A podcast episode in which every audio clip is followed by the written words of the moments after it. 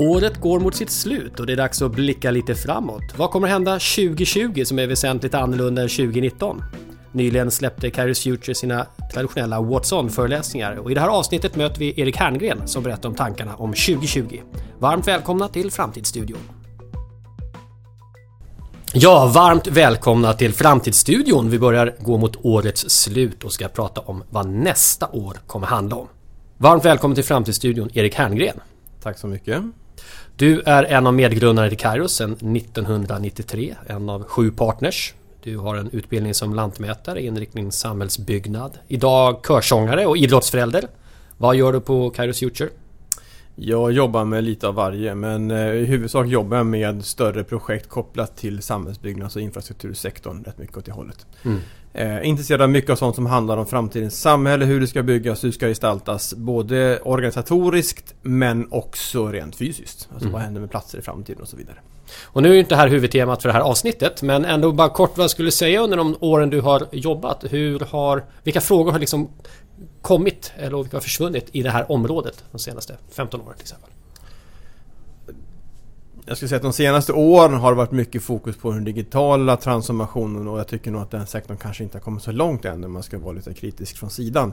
Det vill säga man börjar jobba med digitala metoder för att kanske effektivisera verksamheten, har mycket snack om nu, men att fullt ut förstå hur digitaliseringen formar om samhället och ta höjd för det. Där är några som är på men ganska många som inte riktigt har famnat den frågan än så länge. Eh, sen är det väl så att det här har varit en tid som präglat av, av urbaniseringens effekter, eh, nya typer av ekonomiska förutsättningar. Eh, med det här med att ett eh, platsbundet attraktionsdrivet arbetsliv. När, när platser attraherar... Eh, förr byggde man industrimark och sen kom företagen till oss och sen så den vägen så, så fick man nya arbetstillfällen. Men jag var en av de som väldigt tidigt tittade på det här med just en, en attraktiv plats kommer dra till rätt, rätt typ av människor och sen kommer företagen efter människorna istället. Alltså mm. vända på det här. Det skrev jag en bok om för mitten på 90-talet. Okay. Morgondagens småstad som spådde att vissa småstäder i Sverige med charmiga miljöer och i övrigt rätt förutsättningar med bra samhällsliv och sådana saker skulle kunna ha förutsättningar att faktiskt lyckas bättre än andra i det här sammanhanget. Mm. Eh, och den prognosen stämmer väl i mångt och mycket? Den stämmer väldigt bra. För då när jag pratade om det här första gången var det många, det var många ute i kommunsverige som sa att det var det dummaste man hade hört. Klart man ska ha företagen först. Eh, men eh, det har nu är det nästan ingen kommun med självaktning som inte jobbar med attraktiva bostäder för att locka till sig människor. Ja, just det. och det var, jag kan inte säga att det var en icke-fråga på den tiden, det var det kanske inte. Men det har i alla fall hänt någonting sedan dess, tydligt så. Mm. Ja, där jobbar vi ju mycket med att hjälpa olika kommuner och platser att utvecklas. Absolut, vi mm. gör det. Men jag skulle också säga att det är väldigt få kommuner som inte överhuvudtaget har den frågan på agendan i dagsläget. Man försöker skapa någon form av inflyttningsstrategi i alla fall. Mm. Även de kommuner som har tuffast läge. Mm. Jag vet ju också att, som du själv var inne på, att du har jobbat med många olika saker. Du har ett brett samhällsintresse. Om du skulle tipsa eh, om omvärldsspaning, bra källor som du tycker, kanske också sådana som är förbisedda om du har några sådana. Så här, det här borde man kolla mer på. Det fler borde upptäcka den här det är svårt för de flesta källorna är ju ämnesspecifika och man har ett visst område, en viss bransch man vill följa så är det klart att man tittar på de som är i den sektorn. Men mitt generella tips för att ha överblickskoll och få till tidiga signaler är faktiskt att signa upp och försöka få ta del av den här typen av nyhetsbrev. De är visserligen betalda eller annonsörer betalar dem på olika sätt. Det vill säga det kommer med information som är delvis betald, det fattar man när man ser det. Men det finns också en bra spaning vad som händer i olika branscher, det får de tidigt. Det är det ena. Det andra är att gå ut och hitta rätt typ av intressanta människor som twittrar eller som på olika sätt hör av sig i sociala medier, bloggar på saker och ting. Och då är det klart att eh, det finns i regel en, ett par, tre, fyra stycken i de olika branscher som man behöver bevaka. Och eh, hit, titta de intressanta människorna, häng på dem. Mm. Mm. Det vi ska prata om idag är ju att du under den gångna veckan eller veckorna har haft en What's On föreläsning. Och för den som inte är bekant med det, vad är det What's On Erik? Vi har sedan snart 15 år tillbaka gjort en årlig sammanfattning av vad vi tror att nästa år kommer präglas av. Det vi kallar för What's On. Eh, nu då är det What's On 2020 eftersom vi går mot 2020. Men vi har gjort en sån årligen eh, bakåt i tiden och det har varit en kombination av att försöka förstå vad är vi bedömer att eh, Alltså vad kommer de stora frågorna vara som diskuteras under det kommande året helt enkelt? Mm. Och hur seriöst är det att liksom spana på ett år framåt? Alltså, är, går det så fort förändringar att det finns innehåll till sådana här föreläsningar? Hur, hur ska man tänka? Det är klart att det finns innehåll till en föreläsning, det gör det alltid. Nej, det är klart att många av de här förändringarna... Man kan säga så här, när vi tittar på förändringar på det här sättet för att göra en liten eh, seriös svar på frågan. Så kan man säga att förändringarna har tre karaktärer. Dels så är det ju mer långsiktiga förändringar som pågår och de är ju från att vara Ibland är de bubblande och nya börjar ta fart. Ibland har de tagit fart där mitt i en stark tillväxtfas och vissa av de här förändringarna är mogna. De håller på många år men de är fortfarande aktuella och kommer fortfarande ha betydelse. Och vi pratar om alla de här tre, både sånt som är liksom nytt och fenomennivå nästan, sånt som är på tillväxt och sånt som är moget. Men därutöver finns det andra saker som vi också vet kommer prägla olika år. Det finns ett antal förbestämda händelser, det är eh, politiska val, det är andra typer av event som dyker upp som vi vet ibland kommer prägla väldigt mycket. Till exempel när det är ett klimatmöte, just nu då flyttat från Chile till Madrid. Det är ju en sån sak som vi vet i förväg, det här kommer att inträffa. Eh, men så finns det andra saker apropå sånt som då Vi kanske kan komma tillbaka till det sen Men sånt som vi ibland tror är förändringar men som inte är så stora förändringar Det ligger vi kanske i din frågas linje Nämligen att ibland är det ju så att Alltså man, när vi pratar om så här what's on så känns det som att allt skulle ändras och så är det verkligen inte. Nej. Det är väldigt mycket som är faktiskt konstant över tid också. I alla fall väldigt, väldigt, väldigt långsamt förändrat. Mm. Det jag tyckte var intressant som tog del av de här föreläsningarna förstås är ju fokuset på saker som rör sig i området alltså politik och värderingar där samtiden ibland blir liksom mättad av en riktning eller påverkar väldigt kraftigt åt något håll. Det finns vissa typer av åsikter som naturligtvis får mer plats och mer mm. legitima och sen så svänger det här Absolut. ganska fort, oväntat fort och det där ger ju någon slags, eh, om inte annat, både handlingsutrymme för den som fattar beslut eller begränsat handlingsutrymme men också ett kommunikationslandskap som man måste hantera där det, där det plötsligt blir någonting som blir minerat eller som tvärtom kanske blir tillåtet som inte var tillåtet tidigare. Exakt så. Och där, där händer det ju viktiga saker för, för strategisk liksom, kommunikation och, och ledarskap kan man säga. Ja, ja både, för, både för kommunikation och ledarskap och organisation. Och I vissa sektorer så är det faktiskt då, då förändras ju själva fundamentet delvis. Mm. Eh, om man tar den typen av, vi kanske kommer in på det sen, men den typen av en av de sakerna vi ser, någon slags kampen om narrativet som pågår just nu.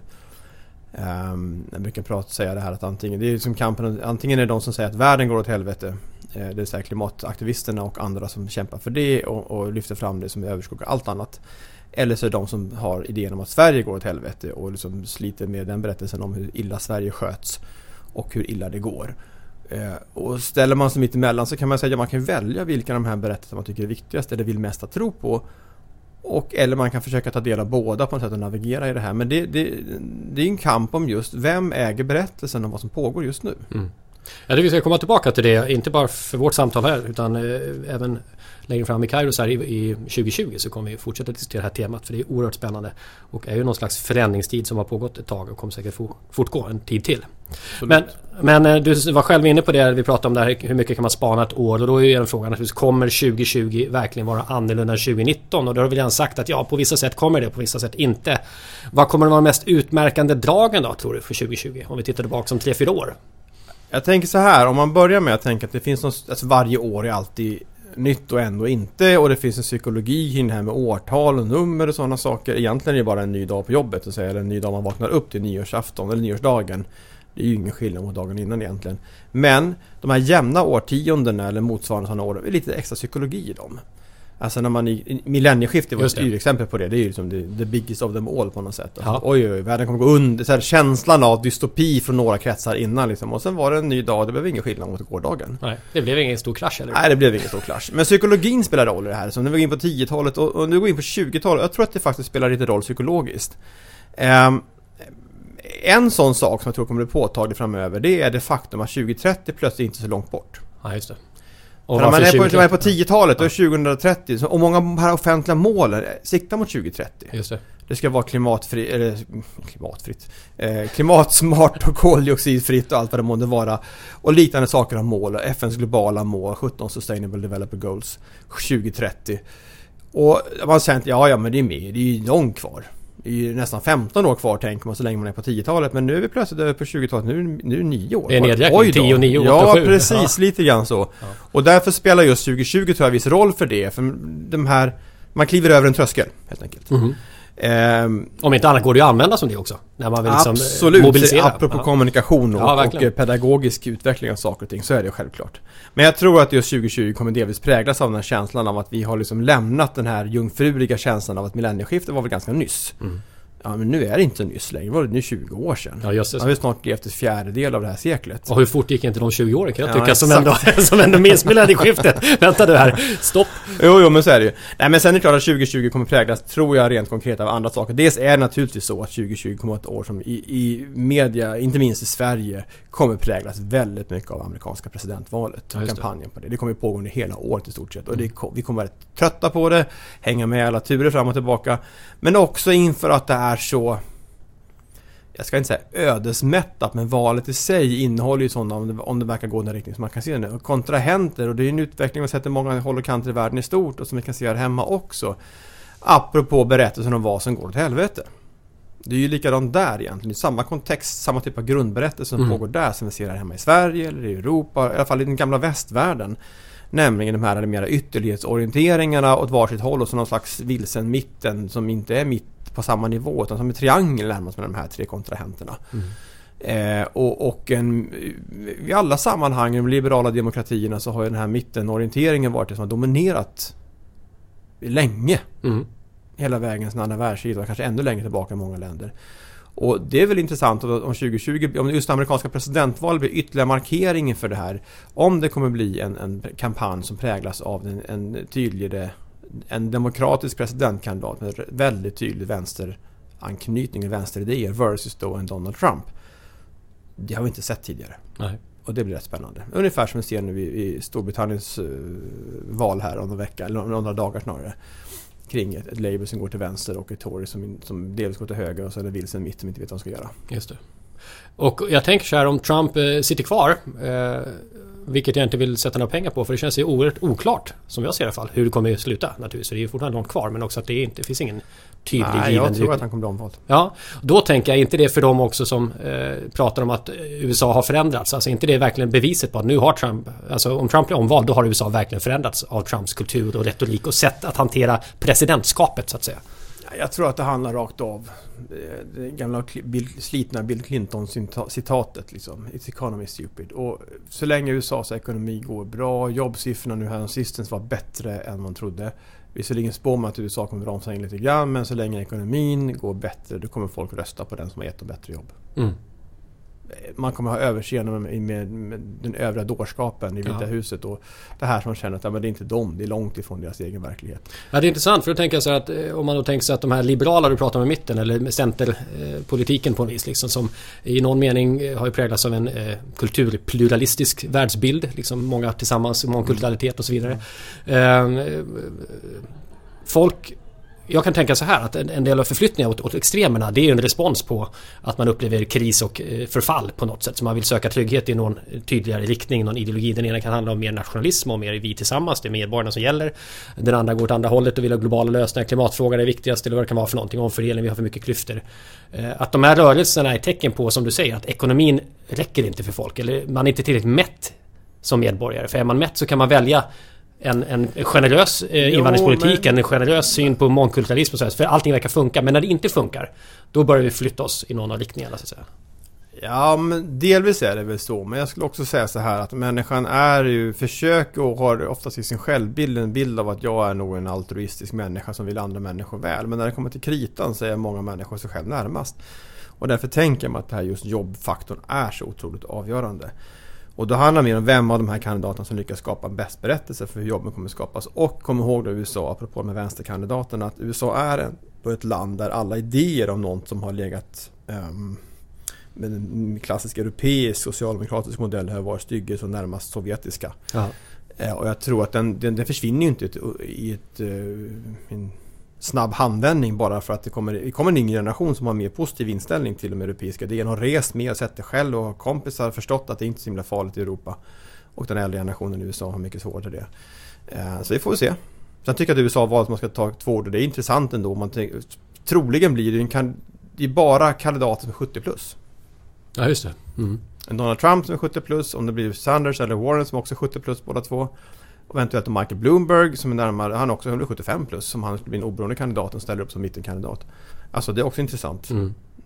Samtidigt som då Finland har en ny regering med liksom Just det, 34 år. 34 år och partiledare för två av de andra regeringspartierna är också ty- eller 30 styft. Så att det är bara tjejer och en 55-årig kvinna och tre som är i 30-årsåldern. Det är också intressanta tecken mm. på saker och ting. Jag frågar om det här sista åldermannavalet i USA, om det svänger tills nästa sväng då? Fyra år framåt. Ja, kanske. Vi får se. Mm.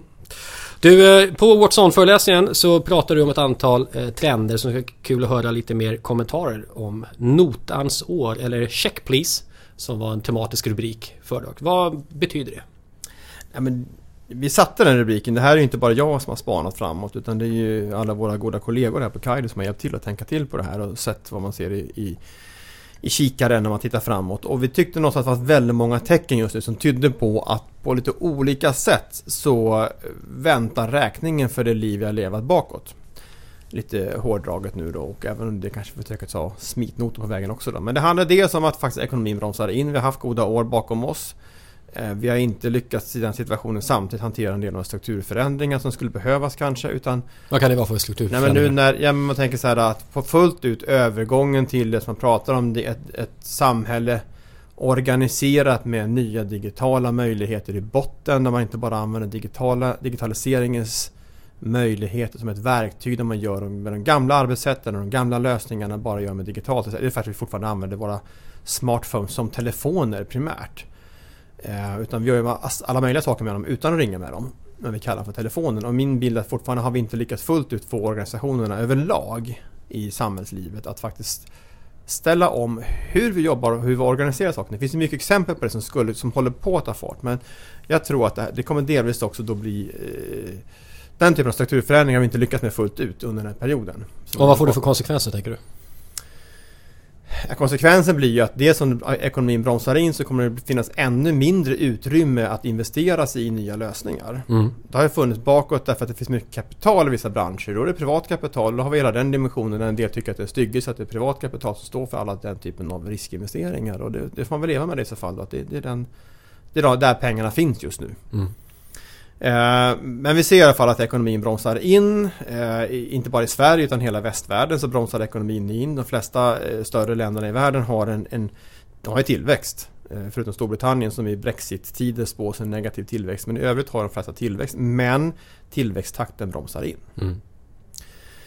Och det är klart att det kommer få återverkningar. Och en del av det hänger också ihop med huruvida såhär, USA och Kina kommer överens om att fixa sin handel eller inte. Och på vilka villkor handeln kommer att ske. Och det där ska vara otroligt svårt att vittna om. Eh, apropå att det nu är presidentval i USA samma år, då, eller det kommande året. Men det är klart att skulle man få en överenskommelse som på nytt sätt får fart på handeln med, med, med, lösningar som gör det så kommer det också påverka högre av Sverige. För Sverige är ett exportberoende land. Mycket går till Europa. Europeisk industri bromsar in vilket betyder att vår industri bromsar in och europeisk industri bromsar delvis in på grund av handelskonflikten mellan USA och Kina. Mm. Så att ekonomin bromsar in. Eh, vi ser samma sak den offentliga ekonomin bromsar in. Eh, eller snarare så här, intäkterna ökar i kommuner och landsting i hela landet men vi ser också prognoserna från SKR som säger att utgifterna ökar i en snabbare takt än vad intäkterna ökar mm. och spås ett underskott på ungefär 3% kommande år, 4% 2021 och 5% 2022. Det, det är ganska stora belopp vi pratar om. Mm. SKR är alltså Sveriges kommuner och regioner numera för detta SKR. Ja, jag tänkte jag skulle få med detta, hängt med på det namnet. Mm, det gjorde du bra men det måste jag Förtydliga det för lyssnarna. Ja, precis. Sveriges kommuner och regioner. Precis. Ja, Check Please handlar det också om att klimatfrågan kommer högre upp på agendan? Ja, det är delvis då apropå den här narrativen och berättelserna. Men Check Please blir väl notan för att vi har levt ett liv som inte är förenligt med de långsiktiga klimatmålen. Det är väl ganska uppenbart för de flesta. Om än några som strider mot detta. Men, men i grund och botten är det och jag tror att det kommer ännu tydligare så att, att, att eh, Dels finns det tecken på att det händer saker och ting nu som bryter med det här. Det finns kommentarer senare kanske som handlar om att det, allting inte bara är notans år bakåt, det växer fram det nya också. Men det kommer bli allt mer uppenbart att vi kan inte stoppa huvudet i sanden längre och inte göra någonting åt saken. Och det tror jag också kommer prägla. Klimatfrågan kommer dominera mycket av samhällsdebatten det kommande året också. Mm. Självklart. Vi, vi kommer ju ofta till att på något sätt i de här avsnitten eh, kommentera det här årshjulet som vi har här på Kairo som visar ja. samhällets rörelse genom olika faser. Pådrivna av teknisk utveckling och konsekvenser av samhällsomställning på olika sätt. När grundsystemen i samhället behöver så att säga rebootas, ställas om. För att mm. Eh, de för, förmår inte att leverera relevanta tjänster och produkter och hålla systemen. Ja, framförallt i de gamla lösningarna. Av både ekonomiska skäl så är man till sist är det moget. Man behöver, ja. kommer något nytt, en annan typ av lösning. Och, då, och i det här finns ju ju en fas då som vi kallar för omtaget där vi så att säga går då från en fungerande period till en nästa fungerande. Vi måste liksom ställa om det här mest intensiva omställningen. Var någonstans är vi i den? Hur långt har vi kommit igenom den den, ja, det är det jag tänkte tidigare. Jag hade ju kanske hoppats på, om jag går tillbaks 10-15 år i tiden, det vi spanade på då, och kunna se framför oss att vi skulle kunna komma längre i den här perioden. Det vill säga kunna klara den här transitionen. Det fanns goda tecken på det ett tag. En transition över någonting annat. Där det goda samtalet om det nya livet skulle ta över handen och verkligen få de sakerna. Men eh, jag skulle säga att vi står och stampar här någonstans just nu. Och jag brukar uttrycka så här att, att det, det, det nya som växer fram, till sist och syvende kommer det bygga på att några av de gamla lösningarna inte längre ser ut som de har gjort. Eh, och kanske till och med behöver begravas. Alltså man behöver beskära trädet, man, det gör ont när nya knoppar ska brista, man ska ta sådana klyschor eller metaforer för saker och ting, men jag tror verkligen det. Och eh, därför skulle jag säga nu att det är väl en, så här, en, en, eh, en nyponbuske i februari. Mm. Det är en bit kvar. Det är en bit kvar. Februari, mars. Alltså det börjar närma sig våren. Men det är sista köldknäpparna som de ska igenom. Det kommer en frost nu bland nätterna framåt och det blir bitande kallt ett tag till. Eh, där folk inte riktigt vågar tro på våren fullt ut. Nej. Och då hellre blicka tillbaka ner i idet eller vad man ska kalla det för. Det gömmer sig någonstans där man har liksom en stabil miljö som man ändå känner igen sig i. Mm. Och det, jag var inne på tidigare, att jag hade hoppats och önskat kanske snarare ska jag säga att reformeringen av några av de här systemen hade gått längre. Nu har vi, de reformeringsförsök som har gjort vilket sista Arbetsförmedlingens debaclet visar på det har ju varit snarare att man låter eh, idén bara vara att man låter bara marknaden komma in och lösa tidigare offentliga uppgifter. Det är en modell som har varit gällande de sista 30 åren med New Public Management, idéer och sådana saker. Alltså beställa, handla upp, låta någon annan utföra, konkurrensutsätta den delen. Men jag ser att det här skiftet framöver kommer inte handla om det utan det kommer handla om att man gör helt nya typer av samhällslösningar. Eller organisationslösningar eller affärslösningar. Och det ser vi ibland när det dyker upp en del sådana. Det finns mycket sådana som bubblar just nu. Mm. Men förlösningarna av bubbleriet väntar ju på sig. Det finns några saker som håller på att ta fart. Vi kan komma till det sen också. Men, mm. men notans år menar vi på, det handlar ändå mycket om att det här, vår oförmåga att kanske ha ställt om bakåt kommer kosta nu helt enkelt. Mm. Du eh, spanar också kring robotar och eh, förespår att de kommer omfamnas av vanligt folk. De kommer vara överallt i OS i Tokyo och vi kommer ha fler robotar i hemmet.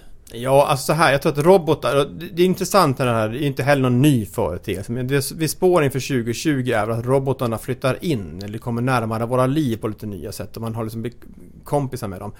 Och robotar tänker vi gärna, då, då är det de här liksom fysiska robotarna, armar och ben och vi ser Frankensteins monster framför oss i de här våra kultur, populärkulturistiska populär, populärkulturella referenser. Mm. Men eh, det handlar lika mycket om att det är såna tankerobotar, alltså mm. artificiell mm. intelligens och annat som vi faktiskt krokar arm med mycket mer än tidigare utan att vi kanske förstår att det är det vi gör.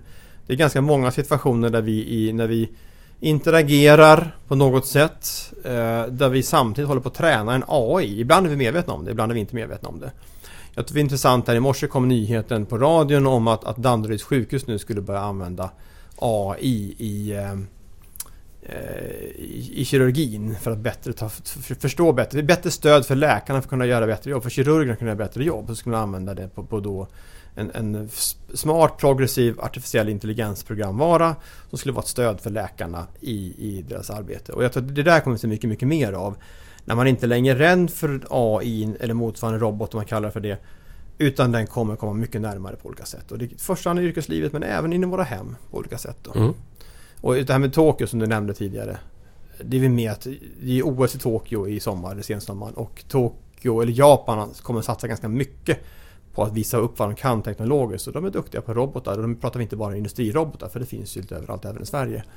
Utan just den här typen av så att säga Servicerobotar. Servicerobotar för vardagsfolk. För, vardagsgrejer. för hotellens lobbyar, när man checkar in, när man kommer till flygplatsen. Du får mm. en robot som både kan konka din väska eller du kan få en mm. robot som mm. liksom, du kan prata och chatta med på ditt språk. Är kanske inte alla språk i världen, men ett antal språk i alla fall. Och den, den kan i sin tur kommunicera med japans, på japanska till en tredje part. Mm. Eh, du kommer ha robotar som hjälper till vid alla tävlingarna som mäter hur långt du har hoppat och studsat allt vad du ska göra. Um, och det där tror jag att det blir ett skyltfönster för mm. helt enkelt. Och det tänder, inte direkt kommer få påverkan. Inte att alla i Sverige kommer springa och köpa robot direkt efteråt. Men Den normaliseras. Man, man, precis, man normaliserar mm. robotarna på ett nytt sätt. Och det här kanske inte var den djärvaste spaningen som kom i Watson måste jag säga. Alltså att det blir mer robotar framåt. För det kommer det bli även 2021 och 2022 ja, och så vidare. Men eh, om jag vänder på frågan. Vad, när, du, när ni spanade tillsammans kring detta. Vilka trender tyckte du kanske var mest förvånande när du tittade på 2020? Ja, förvånande ska jag inte... Ja, en som jag tycker varit intressant i det här och det var väl den som eh, dök upp när vi börjar titta på den långa linjer. Vi gör ju sådana här långa eh, samtidsmätningar på svenska folkets värderingar. Det har vi gjort under många, många års tid. Vi har data fram till 70-talets början och framförallt mer intensivt från 90-talet fram till idag. Typ SOM-institutet fast vi har egna vi kallar för Svenskarna, samtiden och framtiden. Och då börjar vi notera den här skillnaden i inställning till droger. Det är inte heller att det har varit en ny fråga för den har funnits på gång. Om man tittar man ut i världen så finns det tecken där det är mycket mer liberal inställning. Framförallt hos yngre men även hos lite medelålders människor. Eh, du har en, en, liberalisering i många delstater i USA, du har haft en motsvarande utveckling i Holland, du har en i Portugal, Norge på väg att göra en mer liberal inställning. Och i Sverige har ju det här stigmat varit att det är jättebig no-no. Och det är nästan inte ens värt att diskutera. Och jag, jag lägger ingen värdering, jag bara noterar nu att nu börjar någonting hända. När det blir en ökat... Och det, det slog mig lite grann att titta på det här. Att tecknen på att eh, droger är inte längre bara människor som drabbas av hårt missbruk och ligger i rännsten. Utan för många människor så är det ett sätt att bli lite smartare människa, lite roligare på festen, vad det månde vara. Ersätter delvis alkohol men framförallt så är en, en sån här, de, som de tycker kunna ha då, en ordnad drogan, drogintag.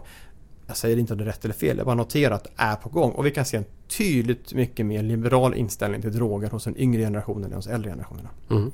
Ser du någon politisk diskussion om detta som? Det dök ju upp här nu sist här med Hanif Bali, moderata riksdagsmannen som för några veckor sedan la ett, ett motion i riksdagen och det, det, var intressant för det la han efter att vi har gjort våra spaningar så kom det ytterligare som en, en check på att det här var en spaning som ligger i tiden. Nu kanske just den politikern inte är mest oväntat att han skulle göra någonting i den här riktningen. No, nej. Han har ju en track record han, har tonat ner sig själv de sista året tycker jag. Ett, ett återfall kanske? Gunnar Strömmer håller honom hårt i hampan numera. Ja, precis. Eh, men, eh, men... Eh, nej men han ingick det här, han sa så här. Vi borde utreda en legalisering av cannabis. Framförallt menar han på då för att det skulle slå undan ekonomin på de här kriminella gängen som nu håller på att skjuta folk överallt och slåss med varandra snarare. Det vill säga vi vet ju alla att en stor del av de här gängkonflikterna handlar om bråk om, om territorier och droger och ekonomi. Mm. Och han menar på att det var ett skäl att kunna ändå överväga en liberalisering. Det är väl ingen som vill ha en seriös diskussion i Sverige i politiken som rakt av kan säga att de vill eh, vara för en, en rakt av avreglering. Men Margaret Richter som skrev en krönika i Fokus här veckan också på samma tema och menar på att mellan skål och vägg har väldigt många, även politiker på hög nivå, prövat på olika droger. Men de kan inte säga det högt offentligt för då åker de på stryk. Mm. Ja, så finns det också uppgifter som pekar på att kriminaliteten rasar inte våldsamt de ställen de har testat. Och det, det är ju det som är bra med att ligga lite efter. Vi kan ju se vad de, hur går det för Colorado, hur går det för Uruguay och så vidare. Precis. Men eh, attityderna bland unga är helt klart annorlunda. Det är en av trenderna framåt vi har. Eh, inget annat som du tyckte var nytt och fräscht på det sättet som hajar till? Ja, det är lite grann tecken på tiden tyckte jag också det här med, med eh, kallat det för accountable self eller snarare ansvarstagande jag om vi ska översätta det till svenska. Eh, jag tyckte mobillådan, eh, den här mobilparkeringslådan som årets julklapp är lite intressant som ett tecken i tiden. Eh, utöver att årets julklapp de sista åren har gått från att som det var förr vara en tydligt fysisk produkt som alla kommer springa och köpa bakmaskiner och annat så är det ju numera en, en snarare ett, ett tecken, samhällspolitiskt inslag nästan. Mm eh, återvunna kläder eller köpa ingenting eller upplevelsegåva. Men, och nu är den här mobillådan, den är inte, jag tror inte att de själva tror att folk kommer springa och köpa sådana designade lådor om det ens finns att köpa. Det vet jag inte ens om de gör. Eh, utan poängen är mer att eh, det är ett tecken i tiden där vi behöver, det här är skärmarnas krig eller liksom skärmskam. Mm. Eh, och vi förstår var till mans att vi borde lägga bort mobilen oftare men vi klarar inte av det. Och den här mobillådan är bara ett tecken på att vi, unga som äldre, för det här är inte bara kidsen, det är minst lika mycket oss som är i 50-årsåldern som gör samma sak och problem med det här. Vi behöver hjälp. Vi förstår vad som är bra för oss men vi gör det i alla fall inte. Och då behöver vi stödsystem för det här. Alltså accountable selves eller ansvarstagande jag. Eh, vi bygger upp system, WWF lanserar den här eh, klimatkalkylatorn då du ska liksom kunna få återkommande förstå, visa eller visualisera vilket klimatavtryck du gör hela tiden. Mm. Inte bara för att någon gång ska testa hur många jordklot jag har med just nu. Utan faktiskt ongoing ha den delen då. Det ironiska med det är att man behöver en skärm för att kunna göra detta. Förstås. Men jag tycker det är intressant om vi zoomar ut lite grann för att um, Vi har ju, som du var inne på tidigare när vi pratade om New Public Management, privatisering, avregleringar eh, de 30 åren från 80-talen och framåt. Eh, den synen på människan är ju synen på en människa som är förmögen att ta beslut själv, vet vad som är bäst själv och inte minst ska ha den liksom rätten att göra det, men, men också förmågan att göra det, ska kunna välja till och med pension och Eh, andra komplexa, extremt långsiktiga val som vi ska klara av. Och sen dess har vi haft framväxten av behavioral economics Mm. inte minst boken Tänka snabbt och långsamt eller Dan Ariely som har fått mycket genomslag med sina teorier om vad människor, hur människor egentligen fattar beslut och hur vi tar genvägar och eh, är korrupta i vårt sätt att eh, tolka världen. Och sen har vi Roslings bok som också handlar om hur vi tolkar världen till vår fördel på olika sätt eller drar slutsatser. Mm. Men idén om våran förmåga att navigera i världen, att orientera i världen, att vi behöver mer hjälp. Är det, är det en djupare förändring där, människosyn från en tidigare idé om att nej, vi kan själva och därför ska vi också få göra det själva till att nej, vi kanske inte är så himla kompetenta som vi tror. Vi behöver en låda som påminner oss om att hålla fokus på det som är viktigt. Ja, det tror jag. Eh, absolut, och det ligger ett tecken i tiden. Och det är också det här med att vi inte kanske ser förrän, inte för sent, men vi kanske inte ser det tillräckligt tid och förstår jag brukar ibland som en utvikning här prata om det här med att människor, apropå se tecken i tiden, det svåra kanske inte att se att någonting håller på att hända, utan snarare inse vad det betyder. Och jag skulle säga att det här är något som har hänt nu, apropå det här med narra, kampen om narrativet och sådana saker. Det här är verkligen ett sådant område det kommer en rekyl mot våra tidigare beteenden apropå notans år. Det också där finns en nota i att vi har liksom lite aningslöst, excessmässigt använt de här nya möjligheterna så mycket att vi inte förstår att det inte är bra för oss i långa loppet. Okay. Mm. Och då kommer det här backlashen på det mm. man kallar för det. Eller behovet av att hitta den här typen av system. Det vill säga individuella friheten är all ära men om vi har frihet i det mesta, det var jobbigt det också. Mm. Och då kommer, då kommer liksom längtan efter någonting annat. Mm. Hjälp mig att fatta de här besluten. Hjälp mig att liksom klara av att hantera det här som är så roligt att hålla på med hela tiden. Mm. Begärsekonomin. Mm. Um, och det tycker jag är väldigt tydligt ett tecken. Då ska man komma ihåg att de här, ju, de här systemen, den här ska vi kalla för individuella friheten, valfriheten, individualiseringen som vi pratade mycket om för 15-20 år sedan, en trend som vi inte pratar om längre egentligen för att det, även där håller på att komma en rekyl då. Det vill säga visserligen vill människor ha det på ett sätt som passar dem själva men man vill inte vara helt ensam. Man vill snarare ha en slags gruppkollektiva lösningar för sin egen lilla mikrostam.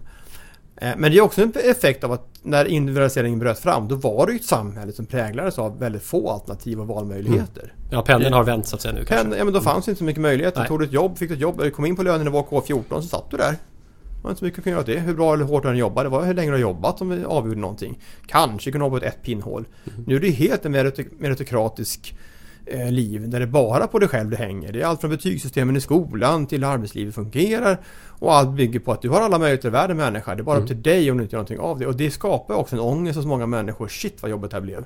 Och då behöver man hjälp med att hantera och, få, få, hjälp att lotsa navigera den här tillvaron. Mm. Och det är inte nytt för 2020 men vi ska att accentueras någonstans i det här mm. läget. Då.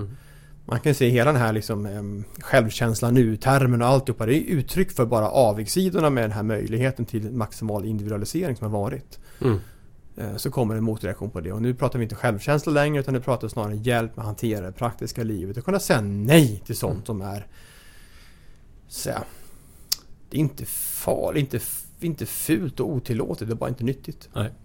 Nej, året inleddes ju eh, bland annat med den här uppmaning från 87 influencers som tyckte att eh, Stefan Löfven skulle släppa greppet om väljarstödet och klimat, eller så här, hockeytackla den svenska befolkningen in i mer klimatsmarta beteenden.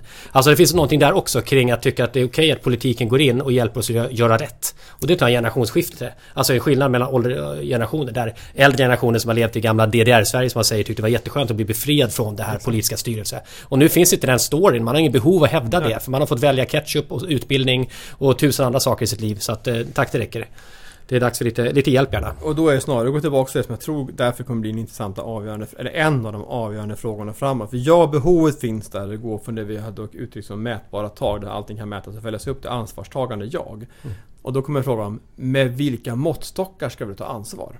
Är det just för att rädda hela världen, eller för att rädda Sverige, eller vad är det rädda för mig själv?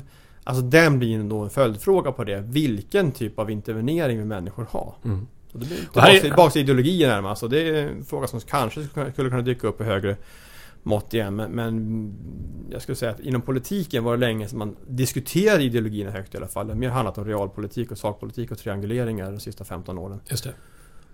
Ja, och då får man tänka på en person som var omtalad vid årets början tror jag, men som sen fejdade ut ur mediaflödet. Det var ju eh, kanadensaren eh, Jordan B. Peterson som gjorde en turné över världen och pratade om sin bok 12 Rules for Life. Där en av dem, eller hans huvudbudskap bland annat, är ju ta dig an det största ansvaret du orkar bära. Det kan vara väldigt litet, men ta, ta det största och gör så gott du kan för att göra världen bättre inom de ramarna. Men först lär dig städa ditt rum. Mm. Så att säga. Så att, och det är en ganska strikt, vad säga, lite moralisk idé, men den har ju fått ett enormt gensvar på det sättet. Han har ju pratat inför hundratusentals människor. och man kan det tycka... Det är likadant det med, förlåt jag avbryter, med det här Marie Kondo som städman Just det. det är lite grann samma, samma, samma andas barn man kallar för ett ja. uttryck för liknande saker. Yes. Nämligen liksom självdisciplin och liksom ja. ta ansvar för saker och ting. Och klarar du inte av det så behöver du hjälp med det. Köp en mobillåda. Ja, just det. En ordningsamhet som kan skapa stabilitet i livet. Ja, och ta ansvar för ditt liv. Förstå att det inte bara att, med, det här med skärmskam som vi pratar om. Det är inte bara att människor slåss om att inte... Eller så här, föräldrar tjatar på sina barn. Sitt inte vid skärmen hela tiden. Utan det är också insikten om att de här skärmarna kostar energi. De kostar klimat helt enkelt. Mm.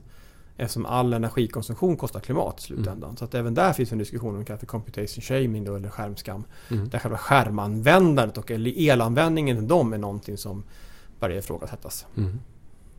Ja, det är mycket som rör på sig. Det är spännande och det är kul att se de här tecknen och se hur de pekar i någon riktning. Ibland gör de inte alls det. Eh, men en sak som du pratar mycket om här som eh, jag vet eh, har varit en central del av What's On 2020 det är ju kampen om narrativen. Och vad menar du med det? Och vad kommer det betyda framöver? Ja, men det är det jag menar. Alltså, det är det här som jag inledde med att säga tidigare nämligen Vems berättelser är det som kommer att dominera det gemensamma samtalet i den mån det finns ett gemensamt samtal numera? Är, är det berättelsen om att världen går åt helvete och vi måste sköta den och rädda den medan vi har bara några år på oss innan klimatförändringarna, så att säga, uppvärmningen av jorden är irreversibel. Åtminstone på mycket lång tid i alla fall framåt. Eh, är det den berättelsen som kommer gälla och, och, och eh, och så får följdfrågan på det blir sen, ja men vad är lösningen på det då? Är det teknisk utveckling eller är det bara liksom, eh, återhållsamhet och sluta eller minska konsumtionen? Jag tycker den vägen. Men det andra narrativet, ett av de narrativen, det är just det här med, med eh, eh, det som har präglat sista året väldigt tydligt, som ligger bakom hela, tänker jag, SD-framgången inte minst. Det här diskussionen om att Sverige håller på att gå sönder. Man känner inte igen sig längre. I alla fall odlar man den berättelsen om att människor inte längre känner igen sig i sitt eget land och är duktiga på att lyfta fram de narrativen. Eh, och naturligtvis med, med deras fall då en, en migrationskritisk bakgrund. Men, och jag tycker det täcker i tiden i sig då att det här narrativet. Är det så att den gamla idén där det var eh, arbetarrörelsen och sossarna som stod för mycket av den här eh, hålla ihop Sverige-berättelsen på ett sätt. Och, och eh, så här, hanterade frustrationerna också bland människor som kanske varit mindre bemedlade. Den, bemed, den berättelsen har ju SD tagit hand om. Mm. Och jag tror att det där präglar mycket mer än vi föreställer oss. Det var ingen slump att det ytterligare kom nya här mätningar för SCB häromdagen om att, att eh, SD inte bara är om det är störst eller näst störst parti. Det, man kan tvista om hur mycket det är. Men framförallt i LO-gruppen har de tagit över helt och hållet. Eller ja, i princip största partierna ganska tydligt.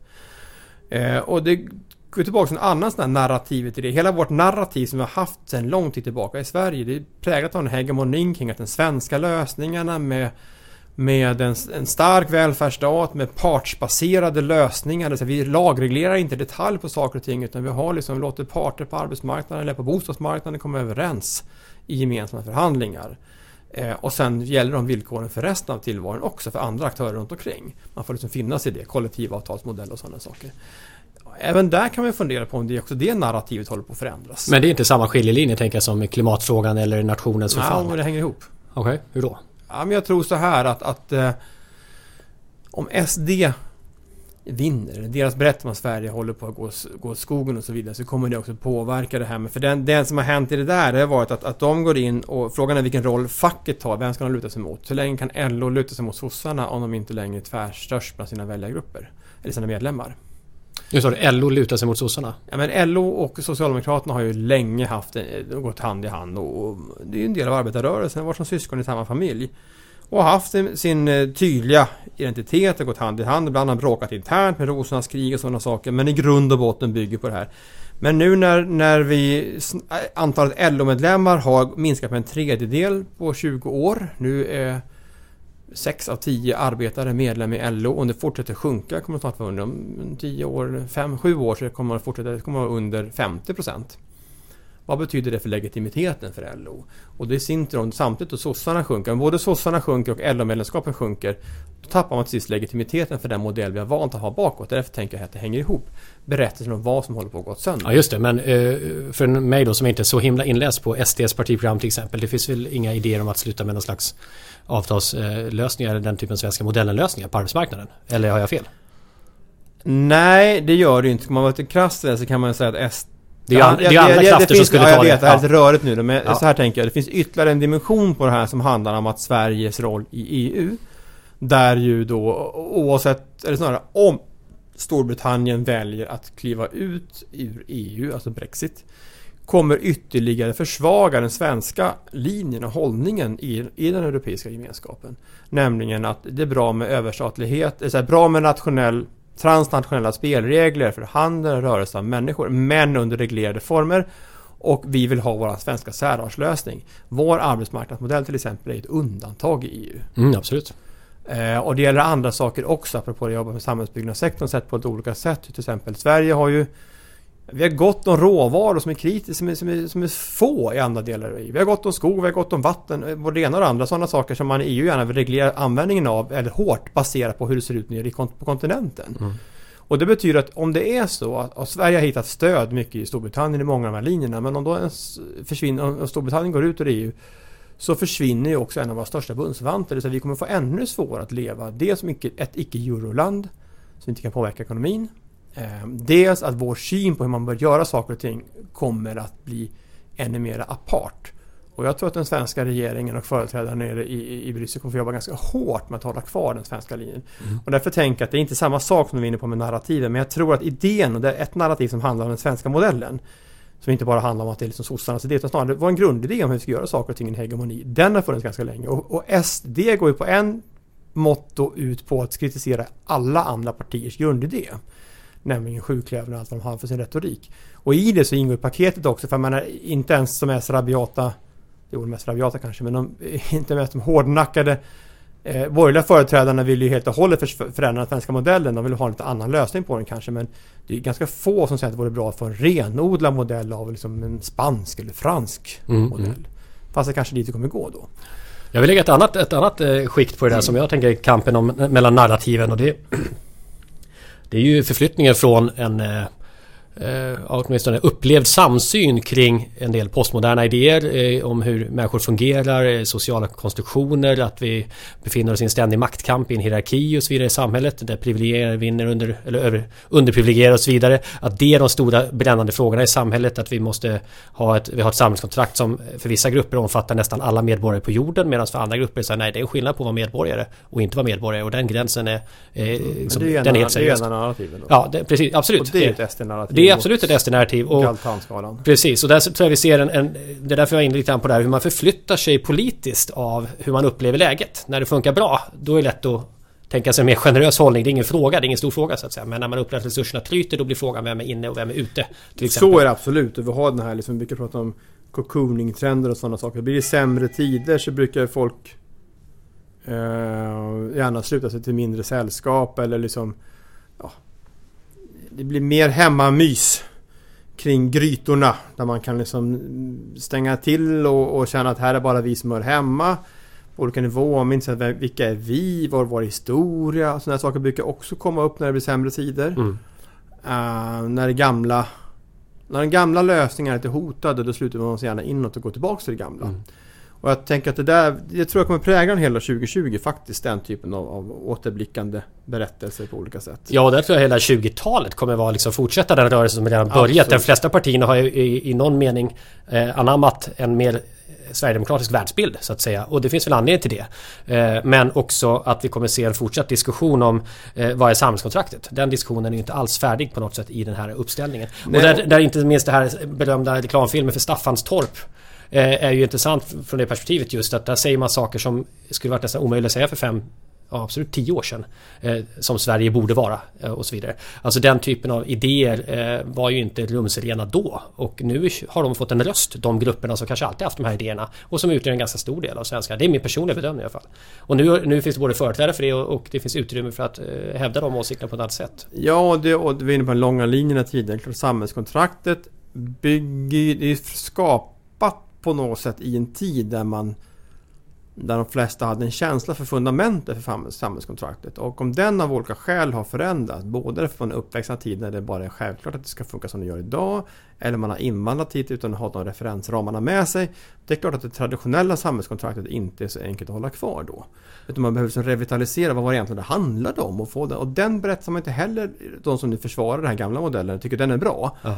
Har inte heller lyckats riktigt, tycker jag, tydligt gjort den säljbar, eller vad man kallar det för. Alltså man har inte fått gehör för den fullt ut. Att, att samhällskontraktet bygger på att ja, vi har de här systemen som hjälper oss att hålla det här idén som finns i vissa kretsar, typ som, som Lars Trädgård och Henrik Berggren skrev om i boken Sverige människa, Svenska människa. Det här med liksom axeln, att i Sverige projektet handlat om att du ska slippa vara beroende av familjen under alla år. Det ska skapa system för antingen är det, på, det är individens ansvar plus samhällets ansvar och det är skyddsmekanismen. Eh, och så möter vi miljöer där, där, eh, där det här, om inte samhället klarar av sitt ansvar, då står du själv närmast. Vad gör du då? Jo, du går då försöker du revitalisera familjen igen, hitta mm. nya lösningar på det. Och då ligger du närmare SDs retorik. Ja, det är en aspekt. Och sen en annan är ju helt enkelt också eh, om tilliten börjar krackelera, vilket den gör i vissa grupper i Sverige, eh, så känner man ju att eh, vad är det för kontrakt som ska gälla mellan mig och en människa som jag inte har någon relation till eller som jag inte har tillit till att den gör sin del av jobbet. Yes. Till exempel. Och där får vi se hur trenden går framöver. Men att diskussionen är i full gång, det är ingen diskussion om det Nej. i sig. Absolut så. Du, det är dags att eh, börja runda av här nu. Ehm, kan du... Ja. ja. Mm. Kan du skicka med någonting till lyssnare? Så här, vad, vad, ska man använda den här förståelsen av 2020 till? Vad, vad kan man göra med det? Ja, men jag skulle skicka med utöver det. Nu kommer jag in på några saker vi inte pratat om kanske fullt ut bara antyds. Jag tänker när det finns ett antal tecken mitt i det här. Att man ska använda de här tecknen och fundera på hur kommer de påverka min verksamhet? Um, Eh, om man tänker att de flesta som lyssnar ändå har en, en eh, relation till det utifrån man vill använda sitt yrkesliv. Eh, finns det kommersiella möjligheter i det här? Kommer det skifta på något sätt? Att det finns nya affärsmöjligheter för den som förstår att ja, men den här längtan efter ett lite mindre sammanhang kommer skapa nya möjligheter att leverera lösningar som är det här liksom komma undan stressen, leva ett mera avskilt liv. För, om inte fullständigt, för det vill folk inte göra, men åtminstone temporärt hitta den typen av liksom, eh, sån lösning. Eller det här med, med att klimatfrågan fortsätter gälla framåt. Ja, vi ser ju ändå tecken på att det inte bara är så att det är en snackgrej.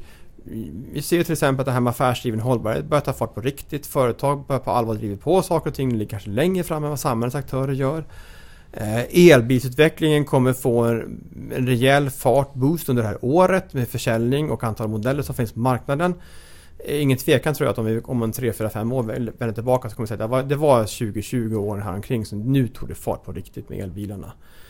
Eh, tänker, och de där aspekterna eh, gäller att förstå. Man kanske inte berörs av elbilar men poängen är att det finns sätt att tänka till på. Inte bara shit de gamla lösningarna ska checkas ut. Utan det finns ju många tecken att det ligger nya lösningar bubblar under ytan som också börjar ta fart. Det är de det också gäller att hänga på eh, i sin roll. Eh, inklusive sådana här saker som att, jag menar, det, det, lösningarna Både typ klimatfrågan eller för all del den här då mera berättelsen om vad är Sverige för någonting? Vad väcker det för möjligheter för den som vill in i den sektorn? Eh, vad är det för någonting om man säger att det inte handlar om att människor är ogina utan snarare men om människor känner sig otrygga. Vad betyder det för vilken typ av lösningar behöver vi leverera då som kan skapa tryggheten på riktigt för människor? Mm. Eh, sant eller inte sant om otryggheten är reell. Men upp, människor upplever ökad otrygghet och det betyder någonting i sammanhanget. Och det vi ser som avslutning kan vi säga, alltså, prata lite om det är det här att det våras någonstans på slutet då för att skicka med ett positivt medskick, något slags gemenskapsperspektiv. Så det finns en längtan efter gemenskaperna på mm. nytt igen. Um, Co-faktorn som vi kallar det för. Det handlar om, om eh, community, det handlar om co-living, det handlar om cocooning, det handlar om co-working. Det är mycket sådana saker nu som ibland är så här liksom hypade digitala delningslösningar. Och det är naturligtvis också en del av det här, nämligen att, att co-lösningen kanske inte görs. Man kan väl ha de gamla värdena men i modern tappning. Just det. Och det är väl en jättebra ställe att landa på för jag tror att eh, vi kan vara överens om att de här omställningsfaserna som liv, samhället går igenom med jämna mellanrum där det är mer transformation än annars så att säga. De hittar ofta sina lösningar tack vare breda allianser där många aktörer går samman och säger okej okay, låt det här vara den nya spelplanen. Det här är den nya grunden att stå på.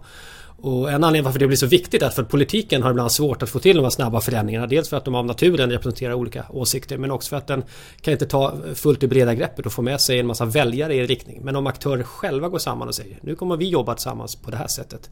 Då kan vi snabba upp den här transformationen som gör att vi får ett nytt och fräscht spännande samhälle snart framför oss. Absolut. Sen grejen tror jag på de här årstidshjulen som du nämnde tidigare, våran idé, eller inte bara vi, men den idén som finns om att tillvaron går 70-80 års cykler som innehåller en slags mellanstationer av skifte ungefär var 20-25 år. 20-25 år. Och det är ju så att det skifte vi står inför nu, det är mycket mer fundamentalt än den gamla. Och jag tror att därför kommer mycket mer smärtsamt. Och jag, allianserna kan lyckas ibland men det är också så att ett antal av nuvarande aktörer kommer nog inte överleva. Alltså kommer inte lyckas i det helt enkelt. Nej. Det ska man också köpa. Och försöka förstå det här. Och det gäller bara att tänka till, eh, shit är vi en av dem? Och i så fall kan vi reformera oss själva på riktigt? Inte bara någon slags, jo men vi vill egentligen inte, vi vill inte, vi vill inte göra av med så mycket av det vi har sedan tidigare. Utan vi hoppas att vi överlever med ungefär samma lösning som tidigare men med lite twist på en digital plutt på slutet någonstans. Nej, det digitala kommer vara fundamentet och det hållbara med cirkularitet på nya nivåer kommer vara fundamentet för de nya lösningarna som påverkar hur och var tjänster levereras och organiseras. Och då måste man utgå från det. Och det är den transformationen som företag och organisationer och offentliga organisationer inte minst måste klara av att hantera. Tack så mycket för att du kom till Framtidsstudion, Erik Herngren. Tack, det var roligt att vara här. Och ha en riktigt god jul får man passa på att säga. Tack detsamma, för jag önskar alla lyssnare också en riktigt god jul och ett gott nytt 2020. Du som tyckte det var intressant att fundera kring de här narrativen som just nu eh, debatterar med varandra kan få en lite förvarning här. Under början på 2020 släpper vi en klubbrapport, det vill säga en omvärldsspaning till våra medlemmar i Kairos Future Club. Just på temat kulturkriget och framtidens bildning. Vad kommer det vara för någonting? Låter det här intressant så kom in på vår hemsida och titta på Kairos Future Club. Varmt, varmt välkommen dit. Med det sagt, tack för den här gången. Ha en riktigt skön jul och ett gott nytt år.